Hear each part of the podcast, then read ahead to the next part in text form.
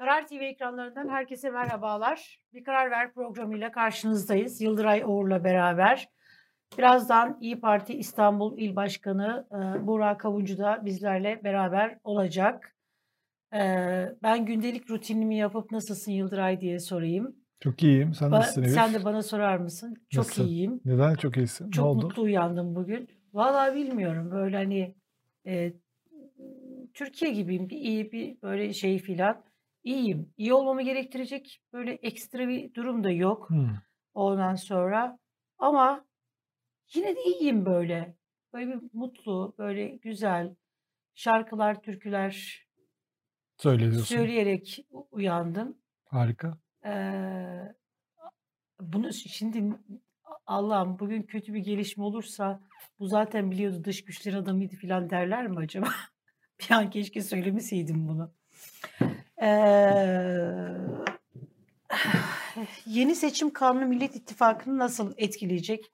Partilerden bunlarla alakalı olarak açıklamalar geliyor. Bugün önemli bir gün. Fed'in kararı ne olacak? Evet. Dün de konuşmuştuk ama Fed bugün kararını açıklayacak. Yarın da Merkez Bankası. Ee, yarın da Merkez Bankası kararını açıklayacak.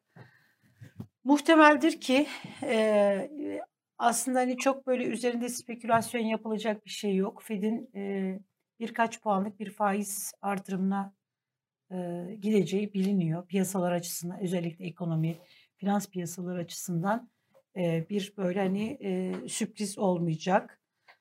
E, biliniyor. Zaten olması gereken de bu. E, mazota benzine indirim geldi. Bunlar böyle hani güzel şeyler. E, Evet. Abdülkadir Selvi'nin yazısını okudun mu? Okumadım hayır. Niye okumuyorsun ya? Bilmem. Bugün okumadım. Yani Yanlış hep- mı oldu? Evet yani çok önemli kulis bilgiler var. Hala Okumak kulis bilgi lazım. var Türkiye'de. Evet. Abdülkadir Bey yazıyor yani. Ee, Abdülkadir yazacak böyle kulisler bulabiliyor. Ee, buluyor güzel yani. Şu Tabii, anda tabii, gazetecilik yapıyor. Abdülkadir Selvi, e, Cumhurbaşkanı Erdoğan'ın AK Parti milletvekilleriyle olan e, özgür gazetecilik yapıyor Abdülkadir. Özgürce gazetecilik yapabiliyor, yazabiliyor. Ona henüz hani bu kulisleri e, yazmasına bir yasak böyle hani demek ki gizlilik kararı yok. Hı hı. Mesela şey söylemiş AK Parti milletvekillerine Cumhurbaşkanı Erdoğan demiş ki bu Beşiktaş'ta kesilen çınar ağaçları var.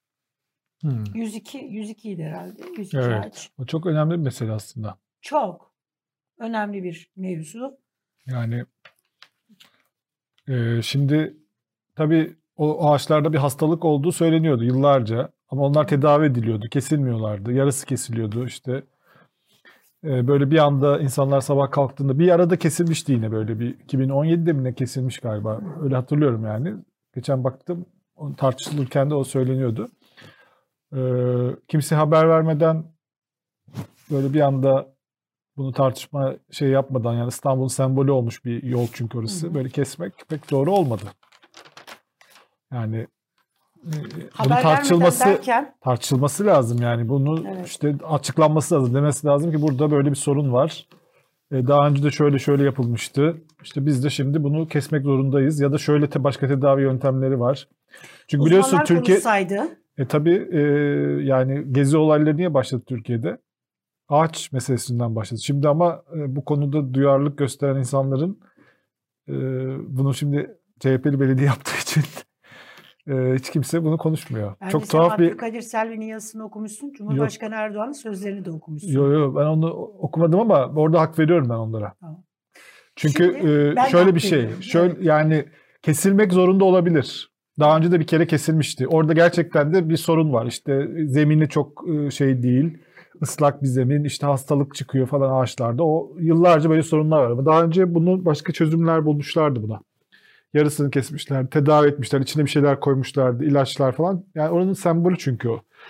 Kesilmek zorundaysa bile kamuoyuna anlatılması lazım bunun. Yani bu insanlar bu şehirde yaşıyorlar. Yani böyle bir sabah kalktıklarında Aa, bütün ağaçlar kesilmiş olarak uyanmamaları lazım insanların. Değil mi? Yani demokrasi bu demek aslında. Evet. O anlamda ben e, buradaki bir de buna şimdi normalde buna bir AK Parti belediye yapsa ortalık biliyorsun ayağa kalkardı. Zaten Türkiye'nin en büyük problemi de bu değil mi?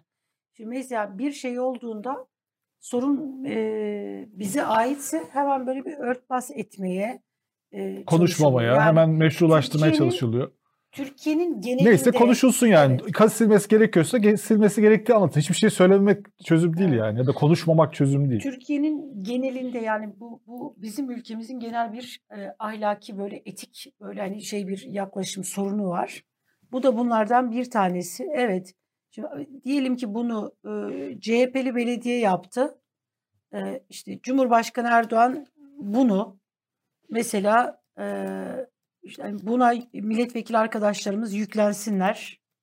Hmm. e, bunu köpürtsünler. Ha, öyle diyor. Evet. E, böyle söylemiş. E, ve şunu söylemiş. Yani e, burada e, burada diyor şeyler 3-5 ağaç Gezi'de 5-6 ağaç için 5-6 ağaç yüzünden çıkmadı mı? E, Gezi'de 5-6 ağaç için kıyamet koparanları görüyorum. Burada sesleri çıkmıyor. Bunlar sadece ağaç değil, asırlık çınarlar. Bunlar tarihe şahitlik yapan çınarlar. Bu iş CHP'yi bitirir. İstanbul milletvekillerimiz bunu daha çok gündeme getirmesi lazım demiş. Şimdi bu sözlerin üzerine kapatalım. Yani kimin Hı hı. söylediğini. Hı hı. Aynı şey senin biraz önce söylediğin. Yani burada diyelim ki e, AK Partili belediye yapmış olsaydı da bu sefer de CHP'liler yükleneceklerdi. Evet.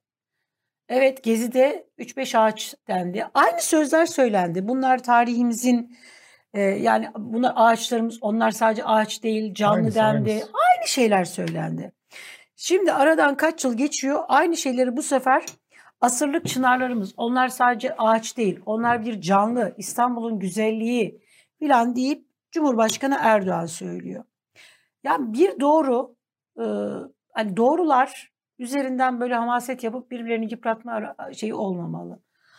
Bunu e, Ekrem İmamoğlu da onlar da kendilerini şöyle savunuyorlar. Bu ağaçların kesilme kararı, raporları AK Partili belediye döneminde yapılmış. Hı. Bu karar o zaman verilmiş. Biz de bunu kestik. E kardeşim yani AK Partili Kaç belediye. oldu? Şimdi hayır AK Partili belediye döneminde diyelim ki bir yanlışın altına imza atılmış. E doğrusunu yapsana Kanal İstanbul'a sen çatır çatır diyorsun ki bunu biz yaptırmayız. İstanbul'a zarar veriyor. Bunu halka sormamız lazım.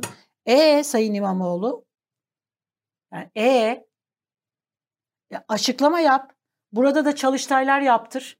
Ondan sonra de ki kardeşim bu AK Parti belediye başkanlığı döneminde yapılmış. Biz de bunu araştırdık. Çalıştaylar yapıldı. Bakın uzmanlarımız diyor ki bu ağaçlar tedavi olamazlar. Bunların tedavi olma şeyi bitmiştir. De bunu İstanbul'a duyur, bunu tartıştır. Yani bir şey söyle. Ondan sonra da halk bir sabah kalktığında ağaçları kesilmiş olarak görmesin. Bu ne e, Erdoğan haklı burada 5-6 ağaç için çıkartanlar eleştirisine haklı ama aynı şeyi Gezi'de yaptı. Hı hı. Ve berbat etti Gezi'de. O işte hani beton döktü bilmem ne yaptı. E, buradan hani 3-5 ağaç için hükümet yıkmaya çalışmak da yanlış. Ama e, sen belediye yönetir gibi devleti yönetemezsin. Orada gençler din- dinlenmeli. Yani burada Erdoğan da hata yapıyor. Bunun üzerinden CHP'yi bitirir demek bunu bir e, böyle hani parti yıpratma meselesi olarak kullanması da yanlış. Oldukça yanlış. E, ben oldukça kelimesini burada bunlar için. Ama Ekrem İmamoğlu da kardeşim bu yaptığınız savunmada size haklı çıkarmaz. Yani e, savunma meka- savunma argümanınız da AK Partili belediye döneminde yapılmıştı hede hödö demekti. Bu da sizi kurtarmaz. Çıkacaksınız kardeşim bununla alakalı sorun, işin uzmanlarına sorun, raporlarını alın, çalıştaylar yapın, halkı bilgilendir. Ondan sonra da de ki biz bunu yapıyoruz. Ey İstanbul halkı bundan da sizin haberiniz olsun Evet, de. Yanlış kardeşim yapamazsın. Hastaysa da ölmek üzereyse de artık hani neşter vurulacak yeri kalmasıydı, kalmadıysa beyin ölümü gerçekleştiyse bu ağaçların bunu İstanbul'uyla paylaşacaksın. Yoksa bunu çıkıp da Kanal İstanbul'da işte yapamazsınız İstanbul'u bozuyor deyip ondan sonra işinize gelmediği yerde de ama burada da AK Parti döneminde bunun imzası atılmıştı demek olmaz kardeşim. Yanlış. Yani Katılıyorum sana. Doğru değil. Yani aynı yanlışı Ekrem İmamoğlu şeyde de yapmıştı hatırlarsan. Geldi böyle tiyatrolarda işte e, Necip Fazıl Kısaküre'nin hani bir oyunuyla alakalı. Yani bütün iş bitti, dolaştı. Orada da aynı hatayı yapmıştı. Bu tür hataları kritik hata. Zaten Türkiye halkı yani biz vatandaş bundan yoruldu ya. Yani aynı hataları onlar yapmıştı biz de bunu yaptık demeyin. Yanlışa yanlışsa siz o yanlışı yapmayın kardeşim. AK Parti yaptı diye sen de bunu eline baltayı alıp o ağaçları kesmek zorunda değilsin. Kesilecekse de söyleyeceksin. Şimdi bu ORC anketin anketi niye gülüyorsun Yıldıray ya? Ben hadi söyle neden güldüğünü. Yani böyle bir 10 dakikadır bir konuşuyorsun. Doğru Türlü ya. şeyini alamadın. Hızını Ama- alamadın. Alamıyorum ya. Evet, tamam. Stop tamam. Tekrar Stop. başlamıyorsun. Sen bana stop de tamam. Tamam. Ee, tamam sen söyle. Ben bilmiyorum. Oracı sen açtın. Onu hiç bilmiyorum. Onu kadar bilmiyordum. Oracı hiç bilmiyorum. Peki sen bildiğin bir konuyu aç sen oracıda devam et. Güzel. Tamam. Ben katılırım sana. Sen ne kadar medeni bir, bir, bir, birisin böyle kadınlara. Bütün Türkiye'deki e, adamlar senin gibi olsa Yıldıray. Bunu eşime de söyleyebilir misin? lütfen? açıyorum telefonu. tamam. Zeynep seyretmiyor mu bizi? Bilmiyorum. Zeynep çok şanslısın. Ee, bak ne kadar. Ee, şimdi Zeynep de arayıp diyormuş ki orada gayet kibar ama evde hiç beni konuşturmuyor filan Hiç öyle bir şey söylemedi şu an. Sen farazi olarak böyle şeyler söyleme. Oracı anket e, AK Parti oylarının %30'un altına düştüğünü, Millet İttifakı'nın da önde olduğunu söylemiş. Hmm, oracı. Oracı evet. Yani şey değil mi? Ee, Hilmi Taş Demir mi oluyor oracı? Yok. Hayır ya. Değil miydi o? Oracı anket. Muhalif Taş bir şey miydi oracı? Evet muhalifti. Ha. Hilmi Taşdemir'in anket firmasının ismi neydi? Bir bakalım mı O Oracı'ya? değildi galiba. Yok yok Oracı değil ya. Eminim yani. Arkadaşlar biliyor musunuz? Birgül Oracı anket kimindi? Oracı anket. O değildir ya. Evet. Google, Hazreti Google. Ee, Valla Pösteki. Bir dakika AK Parti bir dakika. Oracı anket sahibi Pösteki diye birisi çıkıyor soy ismi. Mehmet Pösteki Oracı Hmm. anket. Evet. Ee, ama ha yok. Galiba değil. AK Partili AK Parti'ye yakın bir şey değil. Evet yorumun nedir? Hayırlı olsun. Ne diyeyim? yani anketler şu anda tabii öyle ama seçim sistemi önemli şu anda. Aa, bir izleyicimiz demiş ki Deniz e, sana diyor Yıldıray e, Gezi diyor ağaç için başlamadı Yıldıray. Gezi beyaz Türklerin hükümetin demokratik politikalarına karşı tepkisiydi. Aa, bu kadar da abartmayın ya. Önce ağaç için başladı sonra Önce ona ağaç döndü için tabii. başladı. Demokratik politikalarına. Demokratik politikalarına demeyelim de. Yani Ee, önceden AK Parti'ye yakınmış. Son dönemde e, muhalif kanada geçmiş. anladım. E, Nevşin Mengü'den şey geldi. Ha, Nevşin söyledi. Doğrudur o zaman. Ee, Deniz biz sana söylemiş. Ondan sonra da bana demiş ki akşama yemekte ne var onu da konuşsanız da demiş. Konuşun demiş. Ya valla akşama yemekte çok bir şey yok. Yani ekonomik durumu biliyorsunuz. Öyle e, ekmek varsa yanında çok fazla bir şey yok. Yani daha böyle diyete uygun besleniyoruz artık. Ekonomik şartlarda. evet. Evet. Bugün çok e, gündeme hakimiz gördüğünüz gibi. E, Ya kesinlikle ya. Kesinlikle. Kesinlikle gündeme hakimiz. Benim herhalde mutsuz uyanmam gerekiyor. Ben Hı. onu anladım. Yani senin biraz sinirlenmen gerekiyor. Gazeteleri okumamışsın sen. Okudum. Yok. Yani Yıldıray şey e, e, okumasaydım eğer şey nereden bilecektim Abdülkadir Selvi'nin yazısını. Ondan sonra mesela şey var 10 Haber'de İsmet Berkan'ın 10 Haber Net diye bir Hı hı. e, sitesi var biliyorsun. Çok Evet. güzel haberleri netleştiriyor. Orada da başka bir e, Erdoğan e, kulisi var. E, Cumhurbaşkanı Erdoğan AK Partililerle böyle hani konuşurken orada birisi böyle hani bürokratların e, kendilerini dinlemediklerini, iş yaptıramadıklarını söylemiş. Cumhurbaşkanı Erdoğan da demiş ki e, sözünüzü dinlemiyorsa yumruğu masaya vurun demiş. E, onu da hani yumruğu masaya vurdunuz anlamıyor. O zaman da demiş sandalyeyi masada kırın demiş. O da efendim ne dediğinizi anlayamadım deyince e, demiş ki yani e, bürokratın kafasına sandalyeyi kırın demiş söz dinlemiyorsa. Bunu kim söyledi? Cumhurbaşkanı. Cumhurbaşkanı Erdoğan yani iddia bu. Hmm. Böyle bir şey söylemiş. Evet. Ee, Bürokratik vesayetle mücadelede yeni aşama. ee, ilginç ama dün e, Cumhurbaşkanı bence ilginç konuş açıklamaları vardı. Özellikle sen herhalde Cumhurbaşkanlığı hükümet sistemi konusunda e, şey duyarlı bir vatandaşımız olarak seçim sonrasında yani gerekirse bu sistemde değişiklik yapılacağı sinyali vermesi çok ilginçti yani. evet. Yani yapılacaksa da biz yapacağız değişikliği. Hatta muhalefeti biraz bizim fikirlerimizi çaldılar falan gibi şeyler de söyledi. Onu kaçırmışım ben. Evet, anayasa değişikliği Aa. şeyi yaptı. Yani seçimden sonra bu Cumhurbaşkanlığı hükümet sisteminde de bir reform yapıl- yapılacaksa biz yaparız bunu zaten. Hani biz zaten bu konularda çalışıyoruz gibi E, bir e, şey yaptı, çıkış yaptı. O ilginçti. Nasıl olacak? Cumhurbaşkanlığı hükümet sistemi görünümlü parlamenter sistem gibi bir şey mi olur? Bilmiyorum belki e, Yani Cumhurbaşkanı isminden vazgeçmeyebilir.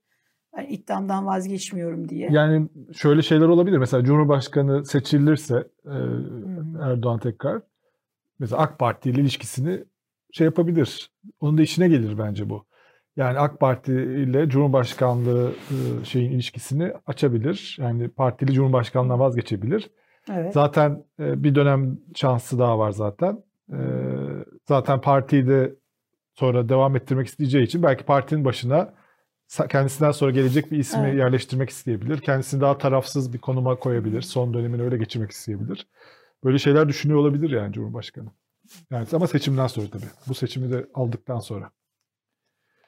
Öyle bir e, şey var sanki e, anlattığı çerçeve içerisinde. Çünkü en yapılabilecek şey e, bu. Yani partili cumhurbaşkanlığı. Zaten bunu bir söylemişlerdi. Partili cumhurbaşkanlığı iyi olmayabilir falan gibi.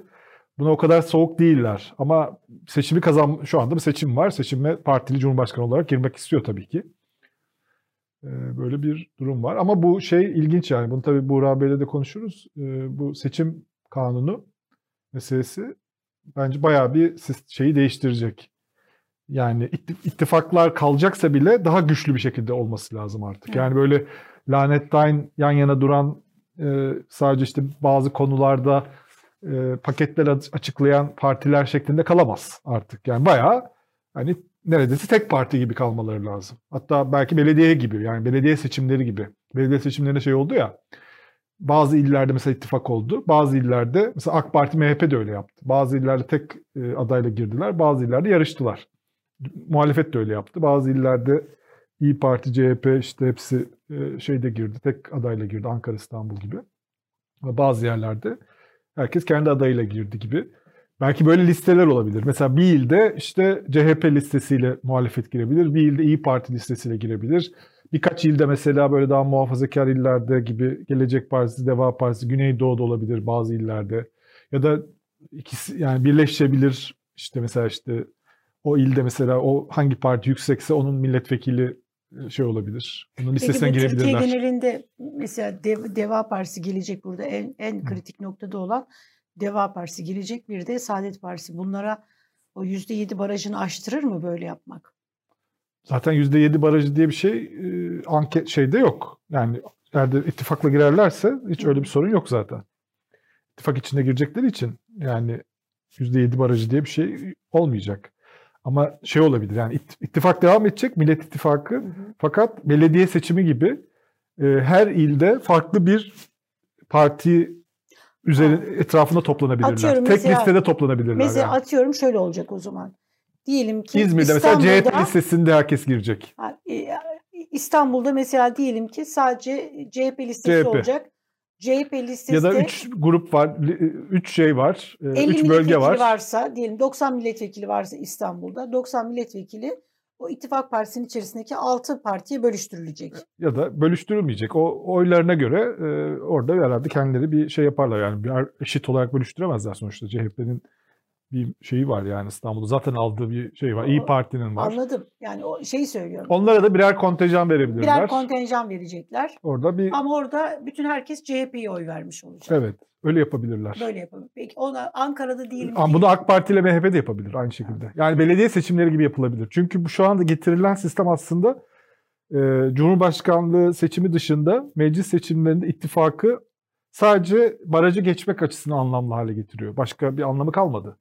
Yani birbirlerine katkı yapamıyor partiler milletvekili seçilmede.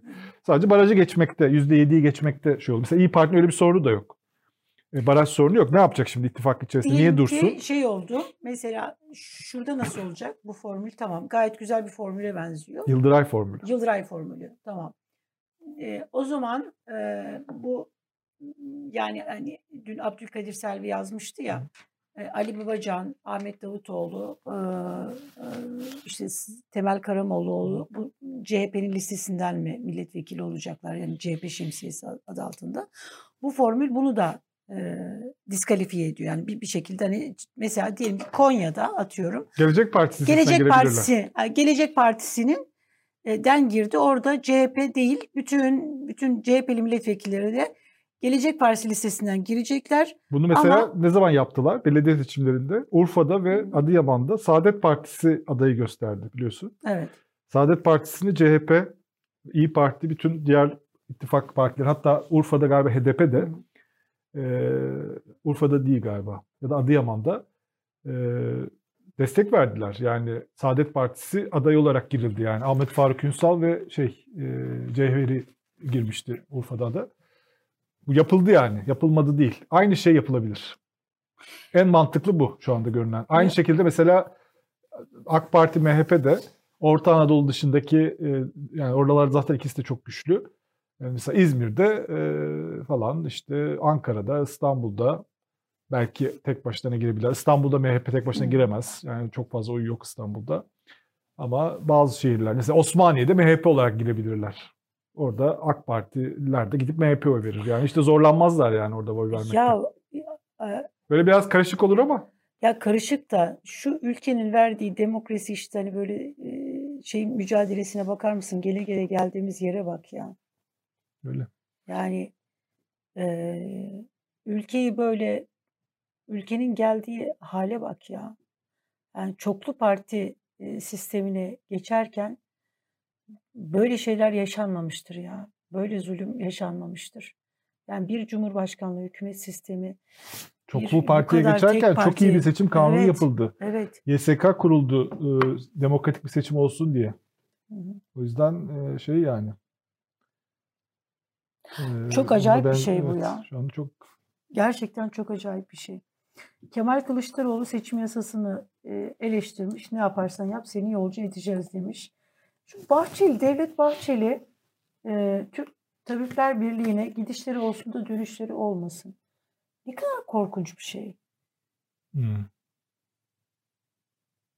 Yani iş buraya nasıl gelebiliyor? Yani bir hani iki ortaktan birisi taç giyen baş akıl akıllanması lazım.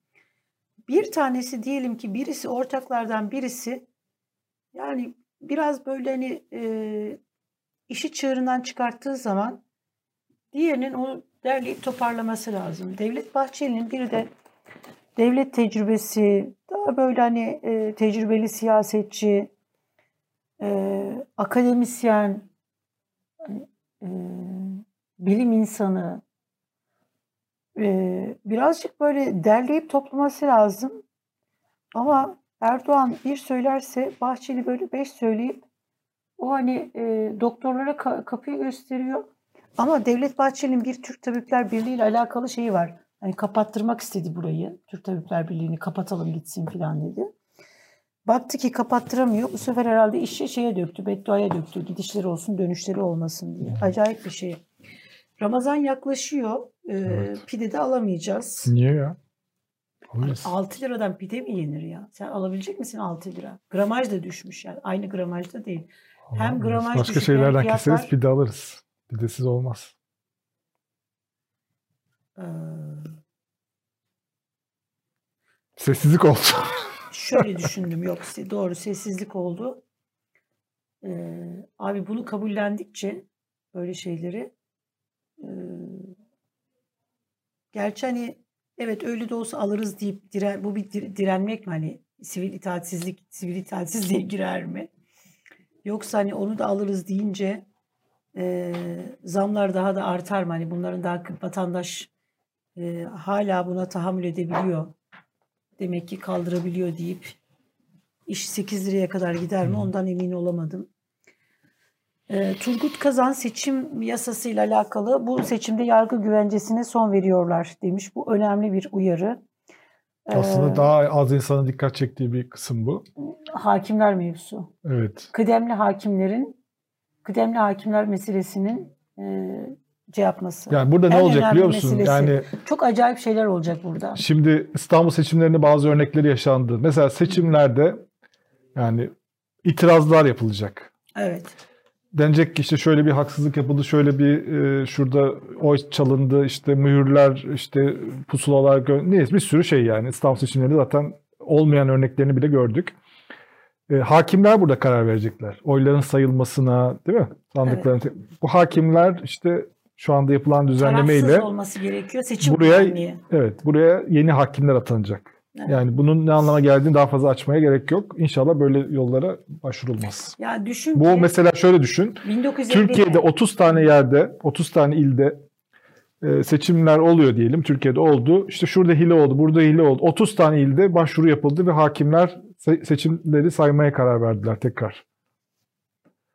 E, yani şey olarak politik bir şeyle karar verdiler. Yani yeterli delil olmadan karar verdiler. Tabii ki oylar zaten sayılabilir de. Bunun kötü sonuçları olur Türkiye'de. Yani iyi bir şey olmaz bu. Karışık yani Türkiye'nin seçim sistemi çok iyi bir sistem. Ama hakim güvencesi olduğunda ve partiler gözetlediğinde önemli. Şimdi partiler gözetleyecek fakat hakim karar verecek günün sonunda. Yani orada eğer bir politik bir şey girerse işin içerisine daha önce hiç girmedi böyle bir şey. İstanbul seçimlerinde biraz oldu ama o bile döndü yerlerden. İşte o yani bu seçim şaibeli hissini yaratmaya yeter yani. Düşün ki yani 1950'de başladı. O dönemden bu, bugüne kadar Yüksek Seçim Kurulu kurularak başladı. Evet, Türkiye'de e, tartışılmayan ve bugüne kadar e, itibar hani böyle şey tartışılmayan tek yer seçimlerle alakalı. Muhalefet biraz tartıştı evet, tabii. Bu AK Parti kazandıkça seçimler hileli dediler ama sonra 2019'u kazanınca onlar da vazgeçti bundan. Evet. Ha, şu açıdan söylüyorum. Yani buradaki o sistem gayet böyle iyiydi. 1950'den bugüne kadar iyiydi yani bu kıdemli hakimlerden, yargıçlardan oluşuyordu. Dolayısıyla en nihayetinde partiler birbirine e, çaldı dense yani oy çaldı işte hile yaptı de, de, demiş olsa da orada biliyorduk ki orada kıdemli ve gerçekten e, hakimler var, yargıçlar var e, ve onlara güven duyuluyordu.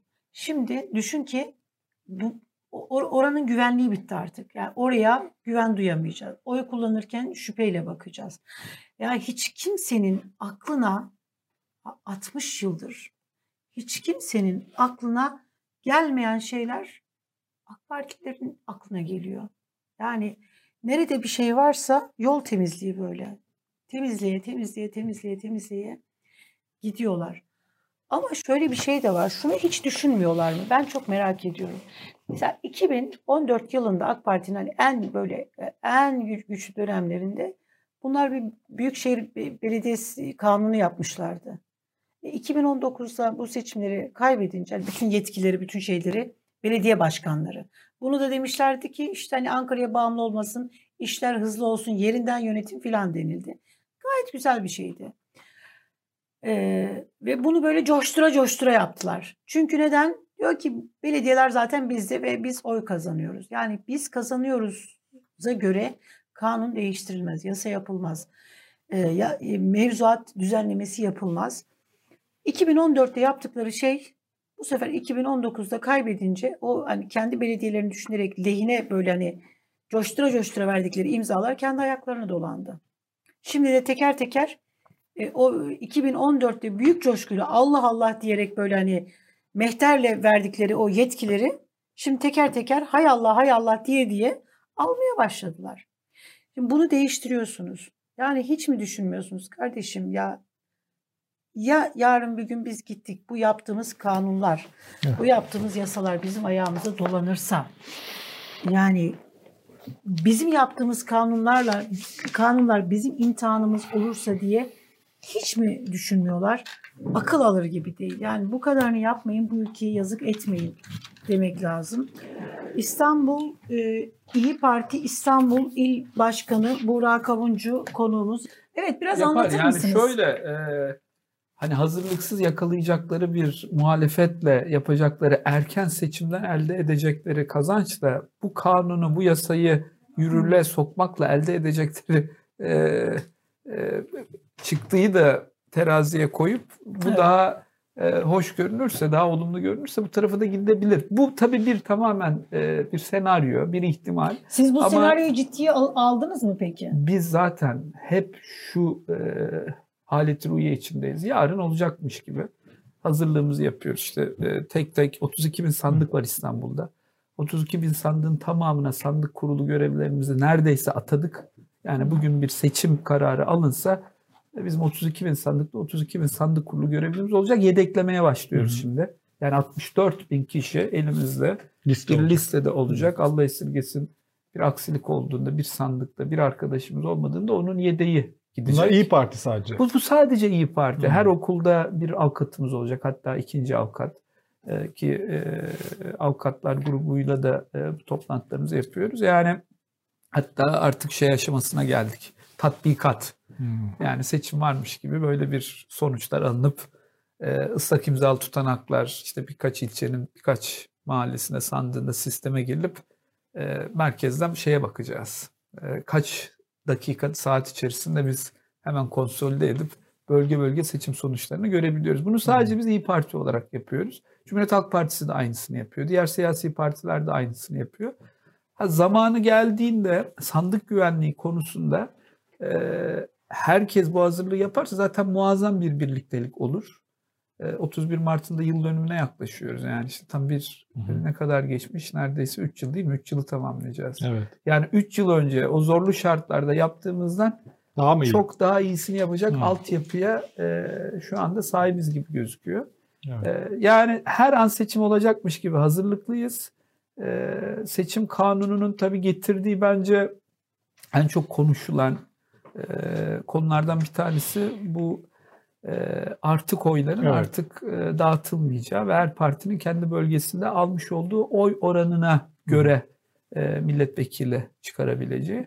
Ve bundan etkilenenler olacaktır. Aynısı 2018 yılında yapılsaydı e, doğrudur o. E, Millet İttifakı'nın daha az, Cumhur İttifakı'nın daha fazla e, oyu olurdu. Milletvekili. Milletvekili olurdu, özür diliyorum, milletvekili olurdu.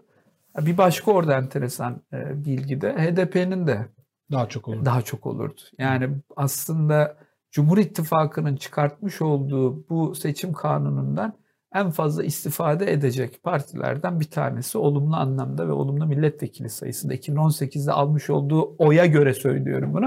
HDP. Ee, şimdi hani buradan şu yorumu e, yapabilir miyiz? Cumhur İttifakı acaba HDP'nin önünü mü açıyor? Ee, denir ya böyle. Ee, e, etkileyecektir tabii. Bu çıkacak sonuçlara göre her türlü spekülasyon yorum yapılabilir. Fakat evdeki hesap çarşıya uymaz.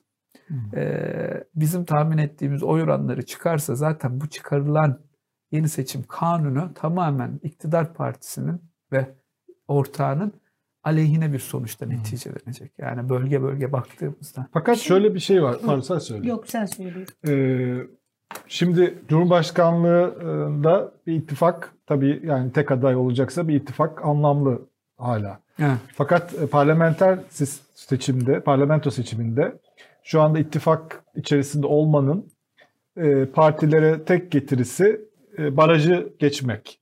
Mesela İyi Parti'de böyle bir şey de kalmadı. Yani baraj şeyi de yok artık. %7'ye düştükten sonra da özellikle. Barajın gayet üstünde görünüyor bütün anketlerde. Yani İyi Parti şu anda ittifak içinde kalmak e, parlamenter, parlamento seçiminde herhangi bir ekstra getiri getirmeyecek. Yani artık oyda gel, gidip gelmeyecek. Buradaki tartışma nedir? Sizin parti içerisinde böyle bir tartışma var mı? Yani o zaman parlamento sistemi seçiminde niye ittifak içinde kalalım ki deniyor mu hiç? Şöyle yani parti içinde e, bu şu an itibariyle çok yoğun tartışılmıyor. Fakat şunu anlatma ve söyleme ihtiyacı duyuyoruz biz. Ee, Bir güçlendirilmiş parlamenter sisteme geçiş konusunda bir irade beyanında bulundu altı siyasi parti. Evet.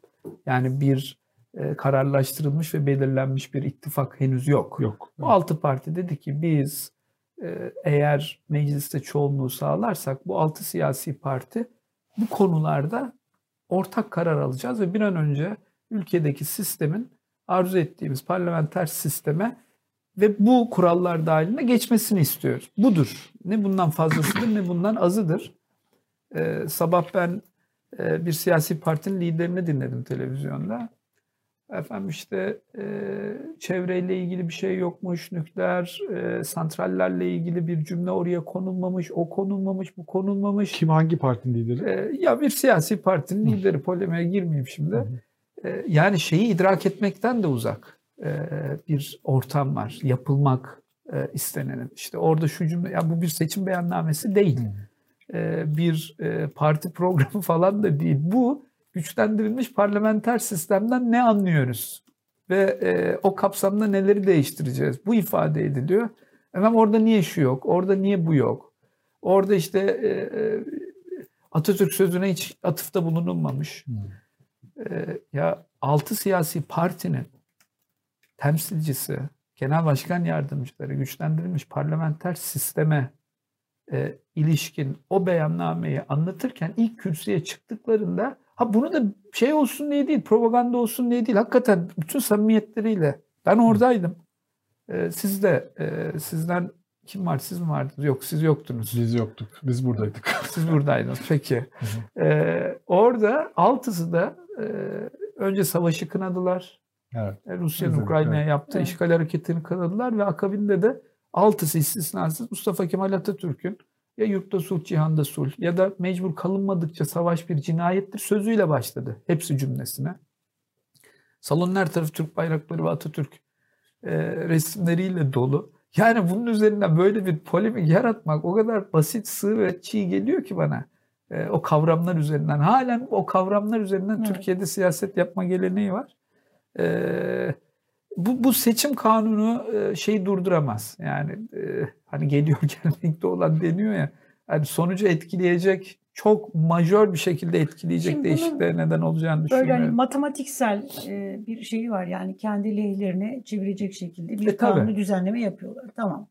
Yani ama bu sadece kendilerini e, kurtaracak hani bir şey değil. Yüzde yedi meselesi aynı zamanda yani e, de, e, MHP'nin de istediği bir şeydi.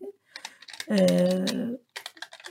yani yol temizliği yapıyorlar hakimler işte kıdemli hakimler gidiyor daha birinci sınıf hakimler falan gelecek. Fakat kurayla. kurayla Kur'an'ın içine hangi evet. isimler girecek girecek, bilmiyoruz. bunu- Nasıl bunu kontrol bilmiyoruz, edilecek evet. onu da bilmiyoruz. Şimdi bu, bu yönü var fakat Buğra Bey şöyle bir şey de var. Yani bu aynı zamanda Millet İttifakı'nın içerisine e, hani orayı bir çatırdatmaya yönelik e, bir e, ya da İyi Pa- şeyin e, Gelecek Partisi Deva Partisi'nin kafasını karıştırmaya yönelik bir şey olduğu da e, söyleniyor.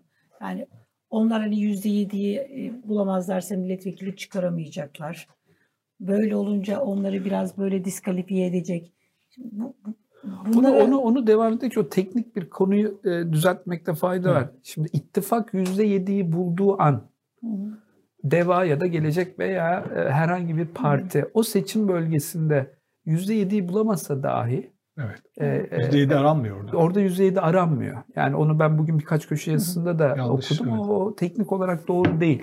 %7'yi ittifak, mesela 6 parti ittifak yaptı. Millet İttifakı oldu adı da. Ve Millet İttifakı %7'nin üstünde bir oy aldı. Konu Evet. kapandı. Hangi şehirde, hangi ilde, nerede olursa olsun her parti %4, %5 Don't sisteminde Don yetiyorsa sisteminde yetiyorsa milletvekili çıkarır. O bölgede %7'nin altında kaldı diye milletvekili göndermeyecek diye bir durum yok. Şu oluyor. E, Don sistemi 2018'de iki ittifa bölünerek uygulanmıştı. E, ve artık oylar da en üstteki partiye gitmişti. Yani CHP bundan, Cumhuriyet Halk Partisi ve daha biz de yararlanmıştı. Evet. yararlanmıştık bazı şehirlerde. Evet. Mesela Trabzon bunlardan bir tanesi hatırladığım kadarıyla. Fakat şimdi bu olmayacak. Bu şu demek. e, Örneklendirme üzerinden gidelim. Mesela Gelecek ya da Deva Partisi'nin ya da Saadet Partisi'nin almış olduğu %3'ün 2018'deki seçim sisteminde e, ittifaktaki en fazla oy alan partiye bir katkısı etkisi oluyordu. Evet. Şimdi olmayacak. Onun için şey tartışıyorlar ya Gelecek ve Deva e, veya işte diğer partiler e, Cumhuriyet Halk Partisi'nin listelerinden milletvekili adayı olabilir. Ben baktığım zaman benim orada okuduğum strateji şu. AK Parti'den oy koparabilme ihtimali olan partilerin e, oyunun ittifa bir katkısı milletvekili çıkartma anlamında olmasın. Tamamen bu strateji gözetilmiş. Hı hı. Ve onlara da e, doğrudan oy verme imkanı da olmasın. Tabii. Cumhuriyet orada, Halk Partisi e, tekrar tabii, amblemi önlerine çıkarılsın. E, tabii. Cumhuriyet Halk Partisi amblemi çıkarılacak. Her Hı. zaman olduğu gibi o koltuğa Cumhuriyet Halk Partisi oturtturulup onun üzerinden gene yıllardır yapılan o e, kutuplaştırma siyaseti üzerinden hareket edilecek. Ha, bu Millet İttifakı içerisinde bir huzursuzluğa, bir sıkıntıya yol açar mı? Şimdi Millet İttifakı, Cumhuriyet Halk Partisi ve İyi Parti'nin 2018 devamında da 2019'a yapmış olduğu bir ittifak. Evet. 2022 ya da 23 e, de yapılacak e, genel seçimde ne olacağını bilmiyoruz. Onun için e, hani doğmamış çocuğa bir e, don içmek de çok e, mantıklı değil. Bu etkiler mi kurulacak ittifa? E, elbette ki e, yaklaşımları etkileyecektir. E, fakat bütün siyasi parti liderlerinin inanın e, o, o çok kıymetli. Bu dönemde bunun yakalanmış olması. E, ki biz onu ispat ettik diye düşünüyorum. Biz ülkenin menfaatini partinin menfaatinin önünde tuttuk. Meral Hanım kaldı orada, ki Cumhurbaşkanı adayı değil. Değilim dedi. Zaten daha ya nasıl... Bu siyasi tarihimizde çok, görülmüş bir çok. fedakarlık değil. Ya gene aynı anlayışla hareket evet. edilir. Hiç emin olun. Bizim açımızdan en azından öyle ki diğer siyasi partilerin de aynı perspektiften bakacağına inanıyorum. Ya bu, bu oyun tutmaz. Ee, bir çözüm bulunur. Hatta tekrar söylüyorum bakın bu şekilde devam ederse e, İstanbul için bir anket yaptırdık biz sadece İyi Parti olarak. %17'ye yakın çıktı İstanbul'daki bizim oy oranımız. Daha önce kaçtı? %8.9, %9 civarındaydı 2018'deki seçimlerde. Yani ikiye katlanmış durumda İstanbul'daki bizim oy oranımız. Ee, Cuma günü onun e, detaylarını konuşacağız. Ee, Genel Başkanımızın da katılacağı bir toplantıyla. Hı hı. Ee, partimizin il e, teşkilatı, ilçe başkanlarımızın da iştirak edeceği bir genel değerlendirme Türkiye yapacağız. genelinde Türkiye genelinde yaptırmadık. Biz İstanbul için yaptırdık ama Bunu Türkiye geneline simüle ettik onu. Olarak bir, siz yaptırdınız mesela Ankara İl Başkanı böyle bir anket yap. Ha, anladım. Şöyle Ankara, İzmir yaptığımı bilmiyorum ama ben İstanbul için bu Anlat İstanbul projesini ben çok önemsiyorum. Az önce e, e, veya birazdan değineceğiz o konuya. 962 mahalleye e, giren bir çalışma bu. 7 ilçeyi 150'ye yakın mahalleyi bitirdik. İşte yüze yakın da talep aldık vatandaştan. On binlerce insana dokunduk. Dokunduk derken ekipler oluşturuyor. Başlarında milletvekilleri var. İl teşkilatları, ilçe teşkilatlarımızla beraber 10-15'er kişilik gruplar mahallelere giriyor. Ve buradan da mahallelerinin, vatandaşlarımızın taleplerini alıyoruz, dinliyoruz. Mesela bir, e, hayat pahalılığı, ekonomi perişan etmiş. Yani hani bana size gelen 100 talebi şöyle bir sınıflandırın ki onları da çok güzel grafiklendiriyoruz. Bir, ekonomi. iki trafik ve ulaşım. Üç, okul. Enteresan. Her mahallede ilkokulla ilgili yetersizlikler karşımıza çıkıyor. Okul yok. Ee, yeşil alan ve uyuşturucu. Yani bizim bu 150'ye e, yakın mahalledeki yapmış olduğum çalışmada bu 5 ana konu çıkıyor. Şimdi anketi ben onun için yaptırdım. Yani bu Anlat İstanbul'a başlamadan önce neyiz? Şimdi Haziran'ın 15'inde 962 mahalleye girmiş, problemleri almış ve çözmek için geri dönüş yapmış olacağız. Merak ediyorum bu nasıl yansıyacak şeye. E, bu anket sonucunda. İstanbul özelinde. Onun için İstanbul'da yaptım. En büyük ben. sorun nedir burada karşınıza çıkan? Ekonomi. Yani biz istisnasız %85, %90 ve ekonominin tetiklediği diğer sorunlar. Mesela uyuşturucu. Ekonomi hayat pahalılığı ve oradaki çaresizlik uyuşturucuyu tetikliyor. Esenyurt'ta bir eve gittik. Ee, üç, dört kız kardeş. Dördünün eşi de uyuşturucu bağımlısı. Artık ümidi kesmişler. Yalnız dediler ki bir kardeşimiz var. O istiyor bu beladan kurtulmayı.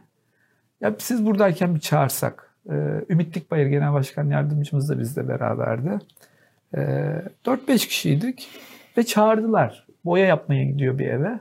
Yoldan döndü geldi. Dedi ki kullanıyorum, kopamıyorum.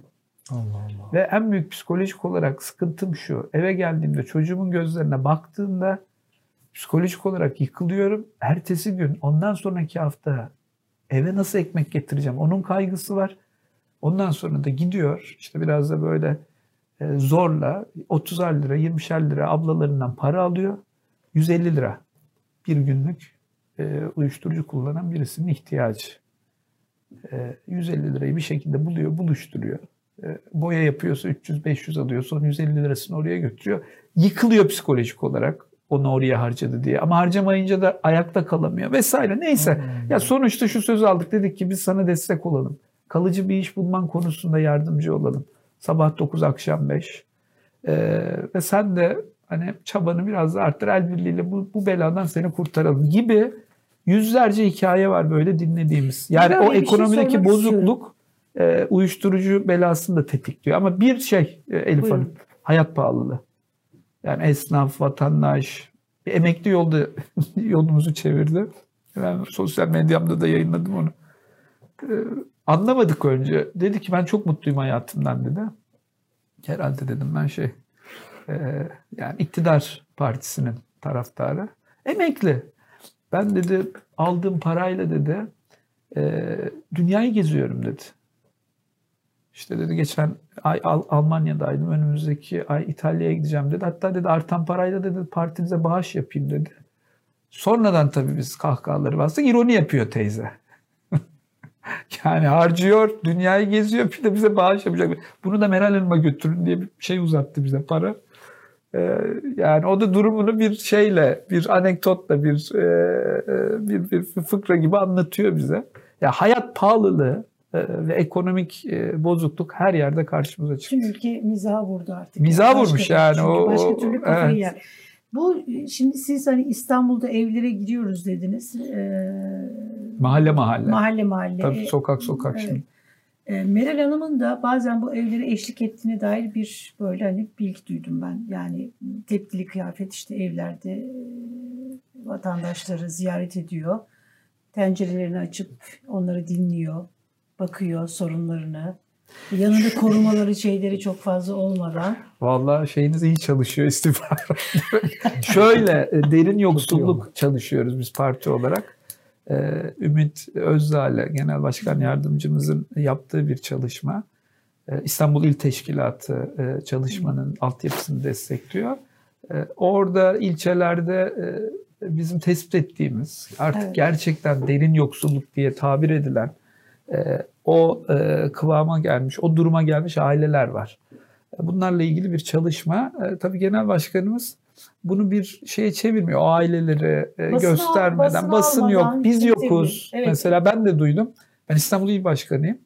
E, bu- bunlar önemlidir. Genel başkan bir yere gittiğinde muhakkak il başkanını alır. Sizin efendim. olmadığınızı duydum. Yani ben, siz de yok. kimse yok. Kimse yok. Bir tek Bir kendisi e, o o da kadar. çok uzaktan izliyormuş. Hatta hani parti arabasını şey yapmadan. Evet, yapmışlar. Yani bizim o çalışma Yap- yaptığımız mahallelere birine ikisine gitmişler ve e, gidip ziyaret etmişler. E, Yani ben de sizin gibi duydum bunu. Gerçekten. Doğrudur bu. Evet, Evet. bunu Sadece e, doğruluğunu tespit, yani teyit etmek istedim ben. bana da öyle bir dedikodu geldi. Öyle söyleyeyim. Şey, Yapıyor ama genel başkanımız. Mesela e, her hafta sonu e, sorarlar. Bu bizim Anlat İstanbul çalışmamıza da yani böyle sürprizler oluyor, olacak. İşte nere- neredesiniz? İşte Şile'deyiz. E, Tamam beni de gel al. Bir anda bir bakıyoruz genel başkan da bu tabii farklı bir konsept. O sizin bahsettiğiniz farklı. O yalnız, medya yok, hiç kimse yok, biz de yokuz. O, o kendisi orada vatandaşla e, bir arada olmak için yaptığı bir çalışma evet. diye duyuyorum ben de. Evet. Bu, e, bu Ukrayna meselesini biraz konuşalım isterseniz şimdi. Çok e, Şu İstanbul işsizlerin şey de çok özür dilerim. tamam Yıldırım. onu İstanbul bitirelim. Evet, İstanbul'da böyle hani tespit ettiğiniz hani işsizlik oranı nedir? Metropol bir şehir. Yani e, ekonomisi iyi şehirlerden şehirlerin başında. Yani istatistikleri Var mı böyle bir istatistiğiniz sizin? Yani o o şekilde bir e, analitik bir çalışma değil. Fakat ben bunu basında da paylaşacağım. Yani 962 mahalleyle belki 100 bine varacak dokunduğumuz insanlardan çıkan ve konsolide edilmiş bu analizi sizlerle de paylaşacağım. Hatta Evet. bitirdiğimiz zaman gelelim burada da bir e, anlatalım o e, çıktıları. E, işte her üç kişiden birisi, her e, üç gençten birisi işsiz diyorlar. O kesin doğru fazlası var hatta. E, işte bu mülteciler tabii e, sıkıntısı var. O da çok karşımıza çıkıyor. Belli ilçelerde yani ilçeleri ayırmak lazım. Mesela bazı ilçelerde daha farklı problemler. Mesela Güngören'in kentsel dönüşüm sıkıntısı çok fazla. Esenyurt'un uyuşturucu e, problemi çok fazla. Fatih. Yani ilçe ilçe farklılık gösteriyor. Daha 7 ilçeye girdik ama Fatih'te de tabii bu geçen senelerde biz dolaşıyorduk buraları. E, Fatih'te e, daha çok turistik bölgelerin olduğu kısımda esnafın bir takım sıkıntıları oluyor.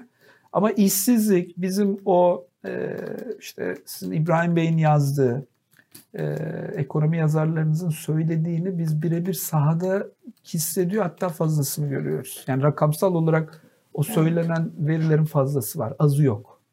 Fazlası var, azı yok. Yani elektrik faturasını gösteriyor adam ya. Yani hiçbir şey bilmenize gerek yok. 400 lira ödemiş Aralık'ta. E şimdi 1800 lira elektrik faturası gelmiş. Esnafı küçük bir dükkanı var.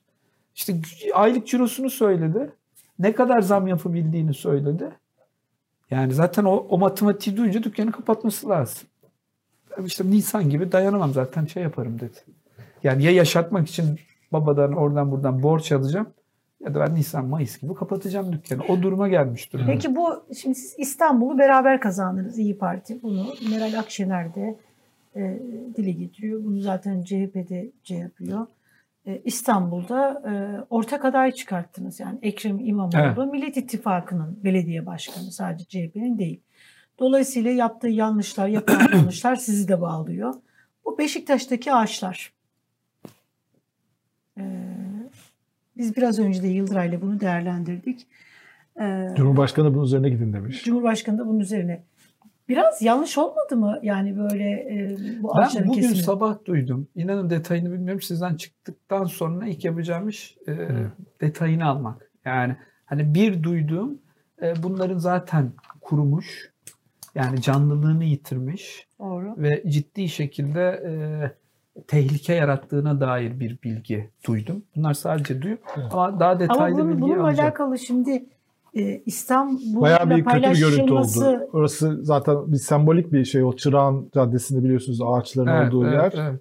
Orada kesince oradaki ağaçları kötü bir görüntü ortaya çıktı. Bunu böyle işin uzmanlarıyla açıklayıp İstanbulluya anlatarak bu şey verilseydi balta vurmadan önce e, e, tabii daha, daha doğru, doğru olmaz olurdu. mıydı? Ya şöyle şimdi Ekrem Başkan, Ekrem İmamoğlu e, çok iyi niyetli ve e, e, e, yoğun bir çaba içerisinde. Yani İstanbul'da daha e, güzel bir kent, daha güzel bir yaşam e, var edebilmek için. E, bir sürü de problemle uğraşıyor.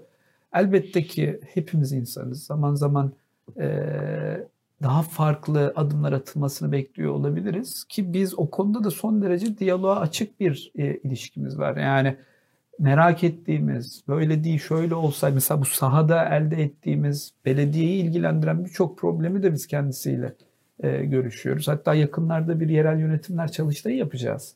Evet. Orada biz e, İstanbul'un işte bu kentsel dönüşümden hmm. tutun da belediyeciliği ilgilendiren birçok sıkıntısıyla ilgili e, ve çözüm önerilerimizi sunacağız. Bu çözüm önerilerimiz e, şu andaki e, uygulamalardan farklı da olabilir. Sonuçta biz siyasi bir partiyiz. 2019 yılında bir ittifak yaptık. Ee, Ekrem İmamoğlu da belediye başkanı olarak seçildi. Biz de canla başla koşturduk. Bugün de başarılı olması için her türlü katkıyı, desteği vermeye devam ediyoruz. Ama bir taraftan da 2024 2024'te kendi parti politikalarımızı, kendi adayımızı, İstanbul'un hmm. yerel sıkıntılarıyla ilgili kendi çözüm önerilerimizi kamuoyuyla paylaşacak çok ciddi bir çalışma içerisindeyiz. Az önce anlattığım bu Anlat İstanbul'dan gelen verilerle, hmm. akademisyenlerle, uzmanlarla, hatta İstanbul Büyükşehir Belediyesi, İstanbul Planlama Ajansı'nın da e, elindeki donelerle bu bulduğumuz verileri karşılaştırıyor. E, e, her konuyla ilgili de bir çözüm önerisi, bir manifesto hazırlığındayız. Hmm. E, dolayısıyla o ilişkiyi de tabii bu minvalde de değerlendirmek gerekir. İşin bir uygulaması var, bir de algı tarafı var. Ee, bildiğim Ekrem Başkan bunun farkında. Ee, yani e, yapılanların da anlatılması doğru ya da yanlış yapılan her şeyin şeffaf bir şekilde daha sağlıklı bir şekilde anlatılması konusunda da e, bir çaba içerisinde. Konuyu ben sabah duydum. Sonra aldığım ufacık bir bilgi ölmüş zaten canlılığını kaybetmiş ve e, risk oluşturan ağaçlar olduğuna dair bir bilgim ama teyit etmedim. Sizden çıkınca zaten e, ilk yapacağım Yani şey zaten detaylı bilgi hani bizim Çok hassas bir şey konu çünkü. Türkiye'de. İstanbul'da zaten Yani- ağaç yok. Çok E, azalmış. Yani aksi bir şey bizi de tabii çok üzer. Şimdi Ama, öl- ölmüş e, olabilir ama bunu paylaşması mevzu. Tabii tabii. Hani, Ama yani ben öldü. hassasiyetini biliyorum. Yani yeşile olan e, işte e, hassasiyetin vesaire böyle bir şeye zaten e, müsaade etmez ama algı açısından e, söylediğiniz tabii şey. e, bu polemiklere fırsat vermemek lazım. Evet. Yani bunlar üzerinden bir algı yapılmasına müsaade etmemek lazım. O da dediğiniz gibi biz bunları kesiyoruz. Zaten ölü risk oluşturuyor diye bir ufacık açıklamayla zaten bugün kimsenin elinde bah- bahane olmaz. Evet. Evet. Buyur. Dış politika girelim mi birazcık? Girelim, Ee, bu çünkü Ukrayna meselesi sadece bir dış politika meselesi değil, aynı zamanda iç politika tarafı da var. Türkiye'nin çok yakın ilişkileri var. Ee, bu konuda kamuoyu da çok ilgili orada olan bitene. Ee, hükümetin bir denge politikası e, güdüyor. Ee, Meral Hanım daha net bir pozisyon alınması gerektiğini söyledi. Ee, Ukrayna'ya destek açıklamalar yaptı. Rusya'yı kınayan açıklamalar yaptı. Ve hükümetin bu e, Rusya'ya çok fazla angaja olduğunu e, bir sürü ekonomik bağlantıyla yüzünden sesini çıkaramadığını söyledi. Böyle bir konuşma yaptı. Bayağı etkili bir konuşmaydı. Siz nasıl görüyorsunuz? Yani Türkiye'deki e, tartışmaları, televizyonlarda da tartışmalar oluyor. E, böyle çok e, yani sonuçta bir işgal var. Siz, e, uluslararası hukuka aykırı bir işgal var. Şehirler bombalanıyor, insanlar ölüyor. Bizim e, çok yakın ilişkilerimiz olan bir toplum burası. Kırımlar zaten, Kırım Türkleri zaten Türkiye'de yaşayan, orada yaşayan insanlar var. Kırım zaten işgal edildi. Bugün galiba yıl dönümü galiba Kırım Evet. işgalinde. E, Türkiye'de ama böyle çok Rusya'yı destekleyen epey geniş bir şey de var. Yani kamuoyu önderlerinde aslında özellikle halkta belki o kadar çok yok ama televizyon tartışmalarında da öyle. Siz bu konularda da daha hassassınız hem köken itibariyle de Orta Asya kökenlisiniz. Siz nasıl bakıyorsunuz o tartışmalara? Şöyle hassasım 13-14 yıl kaldım ben de coğrafyada. Ee, Rusçam iyidir. Bu olaylar olduktan sonra hatta çok Rus arkadaşım da vardır. Yani Moskova'da, St. Petersburg'da yaşayan. Belki 14-15 kişiyi aradım. Ee, mesela içlerinden bir kısmı Putin'e e, sevgi, saygı e, duyan ve Putin sayesinde Rusya ayağa kalktı diyen kişiler. E, şu anda muazzam bir tepki var. Yani Hmm. onlar bile bu yapılanı eleştiriyorlar. Bunu niye anlatıyorum? Kendi iç kamuoyunda çok ciddi bir te- tepkiyle karşılaşma ihtimali de çok yüksek. Çünkü günden güne büyüyor. Benim Hmm. gördüğüm o. Onun için işte bu Orta Doğu'dan profesyonel savaşçılar gelecek falanlara gitti. Şu anda askerde olan e, Rus vatandaşlarının gitmeyeceği yönde açıklamalar yapıldı. E, yani süreci, bölgeyi de takip ediyorum. Tabii şöyle bir e, yaşadığım bir bir hatıra üzerinden aslında ben bu olup bitenleri değerlendirmek isterim. O da şu. İlk il başkanı olduğumda İstanbul'daki bütün basın kuruluşlarını ziyaret etmiştim ben. E, Bunlar içerisinde e, her görüşten, e, farklı görüşten medya kuruluşları da vardı. Bir tanesinde şöyle bir sohbetimiz oldu. Oturduk, işte merhaba merhaba tanıştık vesaire. Sonra sohbete başladık. Sürekli bir yani hani cümlenin sonundaki ünlem ve nokta gibi her şey Batı emperyalizmiyle başlayıp Batı emperyalizmiyle bitiyor. Fakat yani o kadar çok kullanılır oldu ki ben de ya şu emperyalizm üzerinde tanım olarak bir bir mutabakata varalım size. Önce bu ne demek, ne anlıyorsunuz emperyalizmden diye sordum. İşte bir emperyalizm tanımı yaptılar. Dediler ki emperyalizm e, kendi ülkesinin menfaati için başka ülkeleri sömürmeye çalışan, oranın kaynaklarını almak isteyen ve bu konuda her türlü stratejiyi e, yürüten politikaları yapan her türlü devlet emperyalisttir. Mesela dedim mesela İngiltere ağ babasıdır. Tamam. Başka Amerika, başka işte Fransa'sı, İtalya'sı, şuyu buyu. Almanya işte 2. Dünya Savaşı'ndan sonra bir çöktü ama sonradan o da ufaktan toparladı. Peki dedim bu tanıma Rusya giriyor mu? Başkan akıllı olmamız lazım dedi. Bu genel yayın yönetmeni. Ben onu sormuyorum dedim. Rusya emperyalist midir değil midir? Bak ben İngiltere'nin emperyal emelleri olduğunu ki ilk başlangıcı Hollanda'dır rahatlıkla söylüyorum. Bugün de taşıyor olabilirler. Diyorum. Bu yaptığınız tanım çerçevesinde. Onun için işte uluslararası hukuk oluşmuş olmuş ama tarihte baktığınız zaman var hepsinde. Ben bunu rahatlıkla söylüyorum. Sana da soruyorum. Rusya emperyal midir değil mi? Akıllı olmamız lazım. Emperyaldir diyemiyor. Sonra işte nasıl akıllı olmamız lazım? İşte e, Suriye'nin kuzeyinde bir PYD devleti kurulabilir. Amerika'ya karşı dengelemek için bizim Rusya'yı da yanımıza almamız lazım vesaire. Ya tamam o ayrı. Rusya emperyalist midir değil midir? Ve e, uzun bir uğraşın sonunda evet ha, örnekler verdim ben yani. Ben Türkistan kökenliyim işte. E, Rusya'nın e, e, Özbekistan'da, Kazakistan'da neler yaptığını, o Semey'de nasıl nükleer bomba denemeleri yapıldığını, sonra şeye gitti tabii Küba'da füzeleri vardı, Afganistan'da ne iş var, bugün Suriye'de ne iş var diyebilirsiniz. Bir sürü soru sorulabilir. Sonra tabii siz şimdi Çin'e de soracaksınız dedi. Tabii soracağım Çin'e dedim. Çin asla emperyal değildir dedi. Hmm. Hiçbir zaman olmadı dedi. Doğu Türkistan diyeceksiniz dedi. Artık o sormaya başladı. Anladı çünkü konu nereye gideceğini. E, tabii ki diyeceğim dedim. Ya Doğu Türkistan'da bir zulüm var gibi de enteresan bir cümle kuruldu. Neyse. Niye anlattım bunu? Burada bir ideolojik körlük var. Benim anlayamadığım. Yani e, o e, işte Batı emperyalizmine karşı duruş da Rusçuluk birbiriyle yapışmış ve bütünleşmiş gibi. Ben şu örneği verdim. Tabii çok birebir olmayabilir. Ama kendi duruşumu anlatmak açısından söylüyorum bunu. Yunanistan'da bir seçim olsa, başkan adaylarından bir tanesi çıksa dese ki ben NATO'dan da çıkacağım. Ben Avrupa Birliği'nden de çıkacağım. Ve ben artık işte Güvenlik Konseyi, Rusya'nın başını çektiği, Güvenlik Konseyi'ne gireceğim ülke olarak. Veya Şangay İşbirliği Örgütü'nün bir parçası olacağım. Ve seçimi de %74, %75 gibi bir oy oranıyla alsa Zelenski'nin aldığı gibi. Hadi Yunanistan ufak bir örnek yanına Estonya'yı Letonya'ya ekleyelim. Bu böyle zincirleme gitse.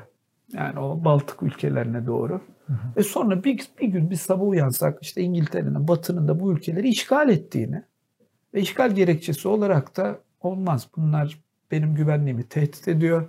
Rusya'nın olduğu güvenlik konseyine dahil oldular ve buralara füze yerleştirdiler, asker yerleştirdiler gibi bir gerekçeyle işgal ise bunu meşru görebilir miyiz ya? Yani halkın seçtiği %75 oy almış. Hatta oy alırken de açık açık demiş ki ben batıdan NATO'dan çıkacağım bu tarafa gideceğim. Bugün Rusya'nın yaptığı nasıl yanlış ve bir işgalse o gün o da bir işgaldir. Geçmişte de bu tür örneklerde bizim duruşumuz hep aynı oldu.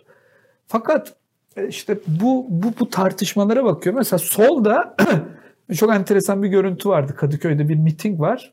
Evet. Kahrolsun işgal. İşte NATO elini Rusya'dan çek. Yani baktığınız zaman anlamıyorsunuz. Kim kim işgal ediyor belli kim, değil. Kim işgal ediyor belli değil. Solun kafası karışık. Yani şeyi ayırt edemiyorlar. O e, hani zamanında bağırırlarmış komünistler Moskova'yı diye. Yani o, o bitmiş artık. Evet. Ama halen orada bir orada kalmışlık var. Ya bu bir işgaldir. Doğrudur. Ee, işte NATO genişliyordur, NATO büyüyordur. Onları ayrıca tartışabilirsiniz. Ama hangi ülkede seçilmiş, halkın %75 oy verdiği ve oy verirken de açıkça ilan ettiği, yani ben e, farklı hareket edeceğim, Avrupa Birliği'ne girme gibi bir hayalim var deyip de %75 oy aldığı bir yerde siz e, nasıl bunu e, görmüyorsunuz, göremiyorsunuz? Bunları e, hayretle takip ediyorum. Dolayısıyla kabul edilemez. E, oradaki kapışma aslında bu pandemi sonrası e, otokratik yönetimlerin, daha despot yönetimlerin aslında bir sempatisi de oluştu. Şöyle sempatisi oluştu. Hani pandemiyi daha iyi yönettiler çünkü orada hmm. e, direkt bir e, otoritenin e, gücü belki hasarı daha az gösterdi. E, kurumsallaşmış, hukukun üstünlüğünün hakim olduğu e, yapıyla e, bir tek adam rejiminin aslında bu e, bir nevi çatışması. Ya sonucu bütün dünyayı etkileyecek. Geri dönüşü yok bence. Bildiğim, anlamaya hmm. çalıştığım ve tanıdığım kadarıyla. Çünkü korkutarak yönetmeyi seven bir lider Putin. Ben 2015 yılında e, bir Putin Geri analizi dinlemiştim. Geri dönüş yok. Putin bunu sonuna kadar götürecek. Çünkü girip Ukrayna'da istediği değişikliği alamamış bir Putin e, artık ayakta kalamaz. E, ve onun da e, çok ciddi etkileri olur. Nerede olur? eski Sovyet coğrafyasında. Yani Türkistan üzerinde çok ciddi etkisi olur. Ağırlığı Kafkas, değil mi? Kafkasya üzerinde yani politik çok etkileri olur. Alırsa da başka e, politik etkileri olacak. Yani hiçbir zaman eskisi gibi olmayacak ama yani, yani çok büyük değişimlere yol açacak. E, onun için merakla takip ediyorum nasıl neticeleneceğini. Ama korktuğum, beni üzen bitirmek için her şeyi yapacağına dair bir e, bir izlenimim var benim. Bir- şehirlere saldırıyor. Çok. Yani her Grozny'de şeyi yaptığını yapacak. yapıyor aslında. Artık tabii Rusya'nın var olup olmamasına evet getirecek konuyu. Ee, o o açıdan korkutucu e, ve e, üzücü. Putin'le ilgili bir politik analiz dinlemiştim. Şeyde e, e, Merkel'le ilk karşılaşmaları Soçi'de. E, Köpeğini getirdiğim evet, o biliyor musun o hikayeyi? fotoğrafı var. Evet. Ya, yani iki tane Doberman'la oturuyor. Merkel de kedi görse masanın üstüne çıkarmış korkudan. Zaten odaya girdiğinde iptal. Yani hiç ne konuşulanları anlıyor, ne söylediğini ya. duyabiliyor. Böyle Görüntüleri var onun. Tabii şey okşuyor bir taraftan. Diyor ki şeyiniz mi var ya? Yani köpek fobiniz mi Ha, var? psikopat. Alın Zaten bunları diyor. Merkel de sonrasında. Efendim? Maço diyor. Maço, Maço gösterisi yaptı bana Anlatıyor diyor ama. bunları Evet. Merkel. yani. 20 dakika sonra kendine geliyor. İkisi de çok iyi Rusça konuşur. Ee, tabii ikisi de çok Alman. iyi Almanca konuşur. Ee, e, yani öyle de bir yakın O da Dresden'de görev yaptığı O da için. Dresden'de görev yaptığı için. O bir ilk Rus istihbarat e, örgütü var. Çek Çekisme. Yani orada aslında e, orada da yetişmiş. Yani korkutarak hamle yapabilen veya korkutarak hamle yapan bir e, bir siyasi lider. Onun için anlattım. Yani o Merkel'le Dobermanlarla birlikte e, karşılıyor olması da bir strateji, bir taktik. Aynı taktiği farklı yerlerde de Türkiye ne görebiliyorsunuz. yapacak peki bu durumda? Şimdi hani bir taraftan evet e, karşımızda gerçekten böyle çok e, acayip bütün dünya bir böyle hani psikopatla karşı karşıya.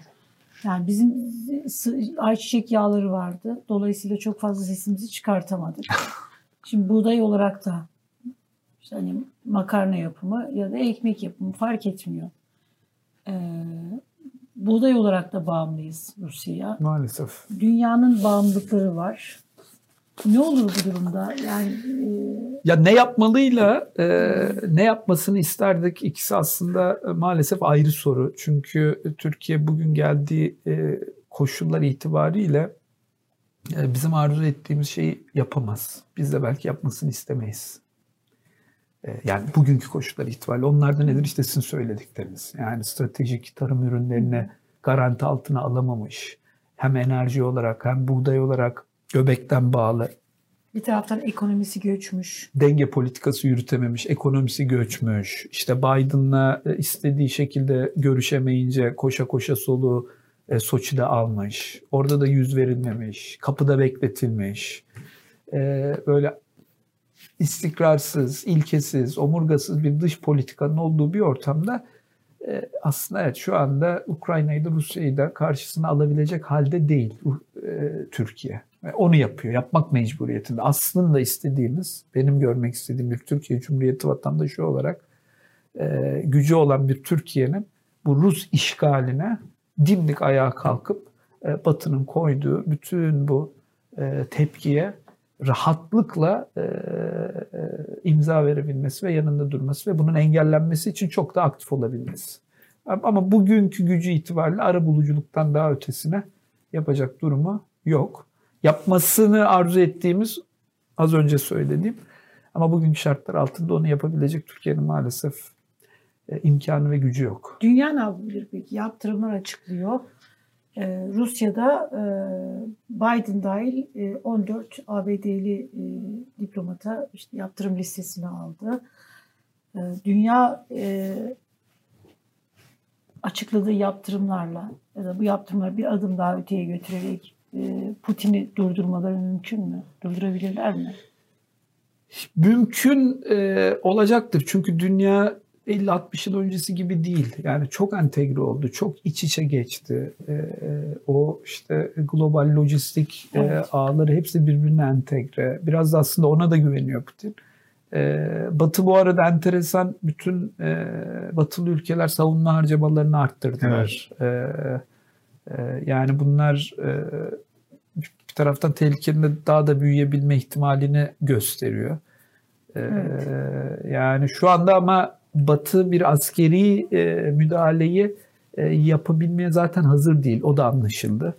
E, e, yapma niyeti yok diyemezsiniz. O zaman savunma harcamalarını niye arttırsın? Yani savunma harcamalarını arttırıyor çünkü bazen de o müdahaleye ihtiyaç duyacağını belki bir, ke- bir kez daha Evet. anladı. Yani tek kutuplu dünya e, e, değil artık. E, o belki e, komünizmin çökmesinden sonra bir rahatlama oldu. E, ve yokladı ya. Yani resmen yokladı işte. Kırım'la yokladı, Gürcistan'la yokladı. Baktık hiçbir şey olmuyor.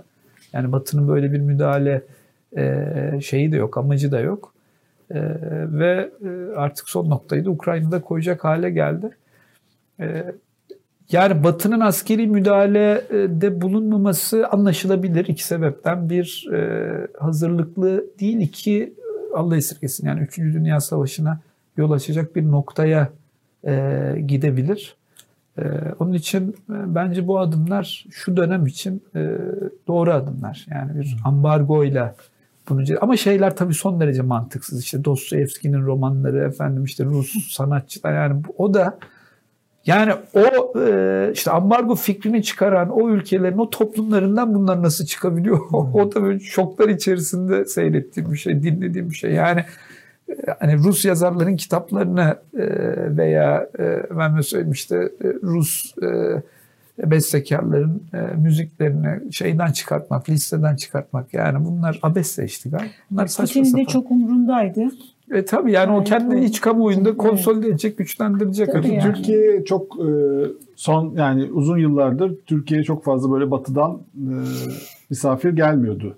Şimdi e, üst üste ziyaretler oluyor. İşte İsrail e, bir geldi, işte e, Yunanistan geldi, Almanya geldi.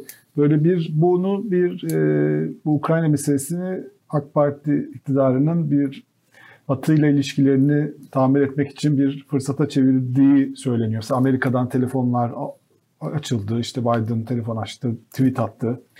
Onu nasıl görüyorsunuz? Böyle bir dışarıda bir e, yumuşama, dışarıda bir batılılaşma şeyi var. Yani içeride belki kavga dövüş devam ediyor ama dışarıda e, e, Batı ittifakı ile ilişkileri tamir etme gibi bir durum var. Bu nasıl etkiler Türkiye siyasetini? Nasıl bakıyorsunuz buna?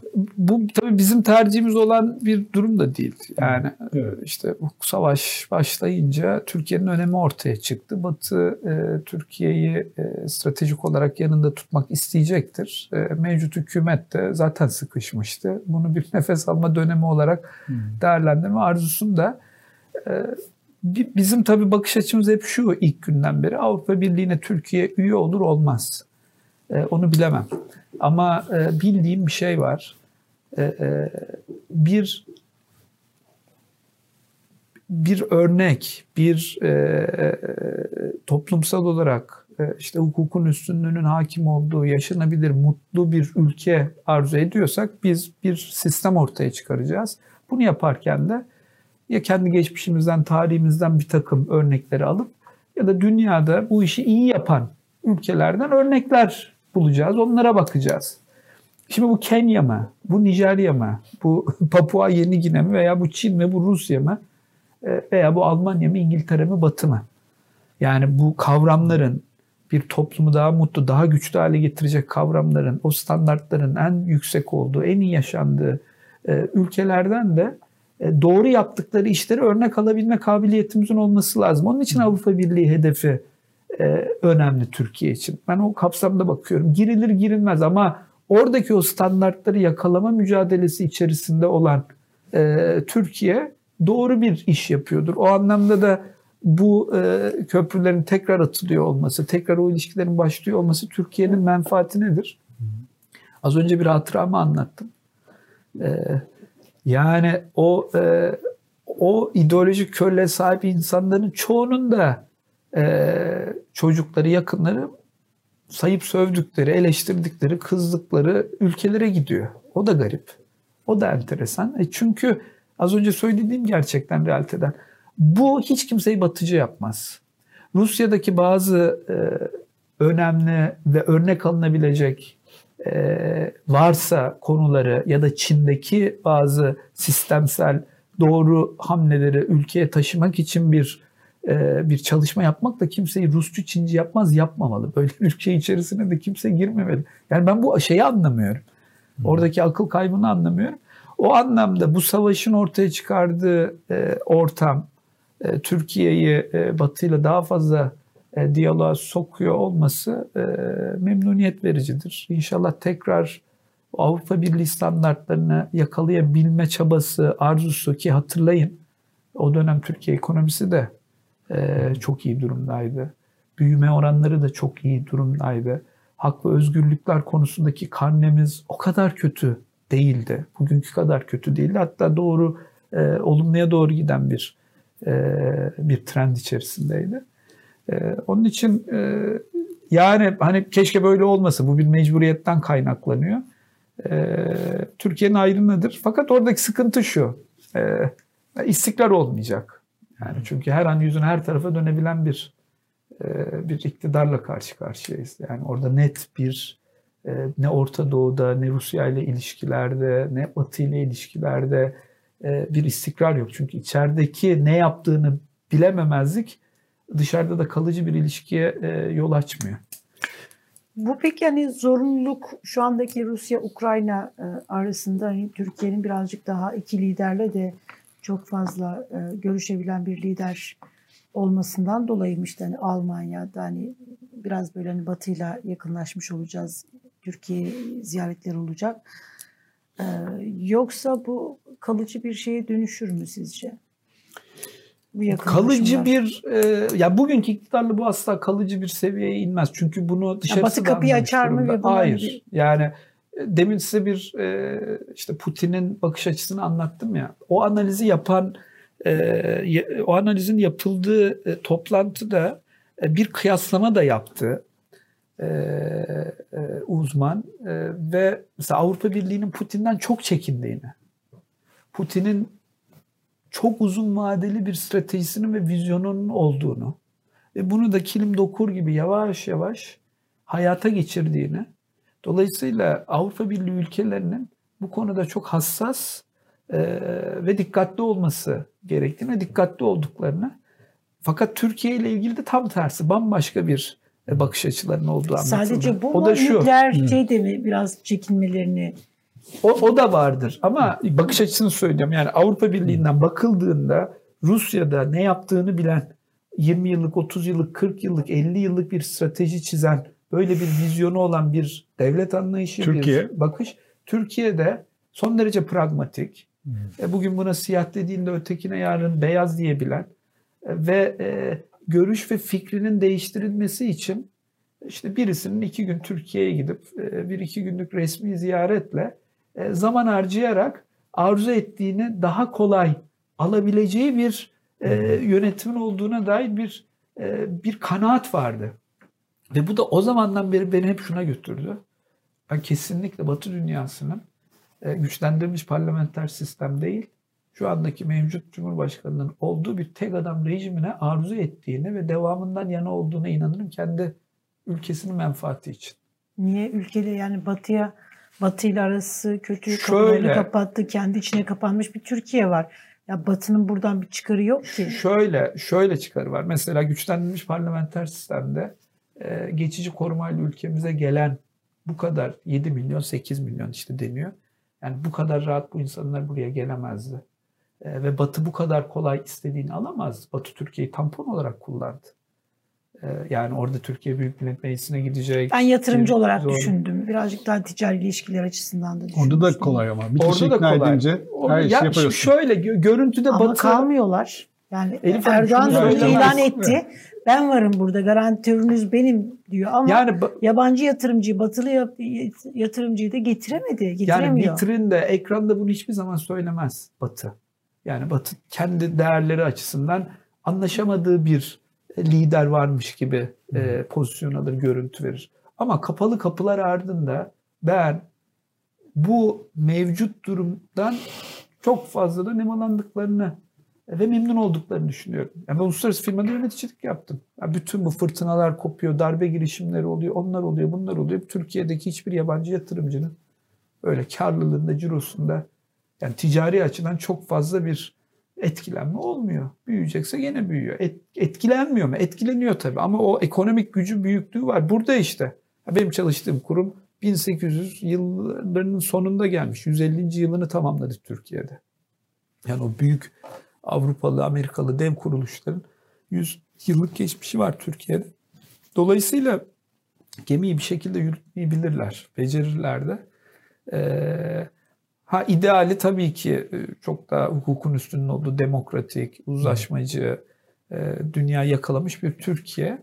E, bunu şunun için anlattım. Yani bakıldığı zaman Avrupa'da bir tarafta rigid, ikna edilmesi çok zor. 50 yıllık perspektiflerle hareket eden bir lider. Bu tarafta da ikna edilmesi çok da aslında kolay. E gitti ya bunları hep beraber gördük. İşte evet. papaz, rahip. Olmaz gitti. olmazdan pıt uçağa bindi gitti. Onu anlatmaya çalışıyorum. Şimdi bir hukuk devletinde bunu yapamaz. E, batılı. Yani hukukun üstünün hakim olduğu bir devlette bu mümkün değil. Şu da mümkün değil. Zaten öyle Saçma papazın... sapan gerekçelerle evet böyle insanlar da tutuklanmaz. Doğru. Tutuklayıp ajan deyip ondan sonra uçağa bindirip işte ufacık artık ne alındıysa bir şeyler karşı verilmez. E, dolayısıyla e, memnun olduklarını, şuur altında memnun olduklarını, kapalı kapılar arkasında memnun olabilme ihtimalleri olduğunu da her zaman düşünmemiz lazım. Mültecileri göndermeyeceğiz dedi Cumhurbaşkanı dün. Böyle bir konuşma yaptı. Doktorları gönderiyor. Ee, işte beyin göçü, e, kıymetli insanları gönderiyor. Ne yapacak peki? O zaman nasıl entegre edeceğini de söylesin. Ya göndermiyorum. Bıraktım. Annen bunlar okuyor mu? Burada doğan çocuk. Ne kadar zaman oldu Avrupa'ya demişti ya kapıları açar gönderin bütün mültecileri diye. 2019'daydı galiba kapıların açılması. İşte dedim ya yani son Açar derece, kapıları salarım üstünüze demişti. Kolay ikna edilebilen. Yani bugün söylediğini yarın tekzip edebilen, dün siyah dediğine bugün beyaz diyebilen, menfaat ve pragmatizm üzerine kurulu bir bakış açısına sahip bir liderle çok daha iyi anlaşabiliyor Batı. Dediğim gibi bir gün iki gün buraya vakit ayırıyor herhangi birisi. İstediğinde genelde alıp kalkıp gidiyor. Evet. Ya çok iyi hatırlıyorum 2019'da, 2018'de. E, kalacak değiller, gidecekler diye net olarak söyledi. Otobüslere konup e, sınıra götürüldü. tabii, tabii. Şimdi, şimdi tam da ya peki en kötüsü bu biliyor musunuz? Göndermiyorsun peki. Yani şunu anlarım göndermiyor ama entegre etmek için de yoğun bir uğraşı var devletin. Hı. Programı var, planı evet. var, özel okullar hepsine Türkçe öğretiyor. Bu ülkenin vatandaşı bu al bayrağın altında bizimle birlikte millet olma şuuruna sahip bir topluluk olmaları için çaba gösteren muazzam. Yani Almanya'nın yapamadığını hadi biz 3-5 yılda yapma çabasının içine girdik diyelim. O da yok. Ya en kötüsü göndermiyoruz, entegre de etmiyoruz. Vatandaşlık veriyoruz. Ee, ben Türkiye'yi değiştirmek istiyorum. Ee, Türkiye'yi de Türk milletini değiştiririm. Ben öyle anlıyorum yapıları. Yani bu arada 100-150 bin kişiye de vatandaşlık verildi. Bahsettiğiniz rakam milyonlar. Yüzde bir, bir buçuk konuşulduğu bir ülkede devşirilmiş vatandaşlarla seçim kazanabilme arzusu taşıyan bir siyasi parti var herhalde karşımızda. Hepimiz vicdanlıyız. Allah kimsenin başına vermesin. Ama misafirler geldiler ve en huzurlu bize yakışır şekilde de geri dönecekler. Hiçbir şekilde incitmeden. Her türlü güvenliği sağlayarak çok zor. Söylüyoruz bunu ama bunun ne kadar zor olduğunu da biliyoruz. Yani bu oradaki rejimle oturup konuşmadan da olacak bir şey değil. Yani entegrasyon lafını politik olarak e, e, kullanmıyor kimse. E, ama göndermeyecekseniz de o zaman nasıl entegre oluyor? Ya bakın yarın biz Suriye, Afgan mafyalarıyla uğraşacak bu ülke. Bu işin sonu. Çünkü ne olacak bu çocuklar? Okumuyor. Kayıtlı değil. Ya benim evladım bir iş yerine gittiğinde adli sicil kağıdıyla gidiyor. Ufacık bir şey varsa e, işe alınmıyor. Bu milyonlarca insanın hiçbirinin kaydı kuydu yok. Bilmiyoruz. Suç potansiyeli nedir? Yani bu zapt edilemeyecek bir sosyal kontrol edilmesi çok zor bir sosyal problem, güvenlik problemi haline gelebilecek bir mevzu. Ee, orada da muazzam bir şey vurdum duymazlık ve şuursuzluk. Her alanda olduğu gibi. Göndermiyoruz. Ne yapacaksınız peki onu da anlatın. Yani korkutucu, üzücü. Evet. Çok teşekkür Çok ediyorum Burak Bey. Ben teşekkür ederim. Sağ olun. Keyifli bir sohbet oldu. Keyifli bir sohbet oldu demek de biraz problemli yani bu kadar sıkıntıları konuşup keyifli bir Çok teşekkür Çok sağ ediyoruz. olun. Ben teşekkür sağ olun. ederim. Sağ olun. Ayağınıza sağlık. Sağ olun. Dilinize sağlık. Evet bizden bu haftalık bu kadar. Yıldıray Uğur'la beraber pazartesiye kadar yokuz. Pazartesi tekrar sizlerin karşısında olacağız. Pazartesi, salı, çarşamba günü konuklarımızla beraber. Yıldıray Uğur ve e, Akif Beki Reşit Paşa yokuşuyla karşınızda olacak. Saat e, 14'te. 16'da da Osman Sert karşınızda olacak. Gündemi değerlendirecek. Yarın da kim var? Yarın ondan sonraki günlerde programlar var. Onları da duyuralım mı? Bir anlamı var mı onları duyurmanın? Duyurmuyorum. Ee, Rakipler. unuturlar, evet.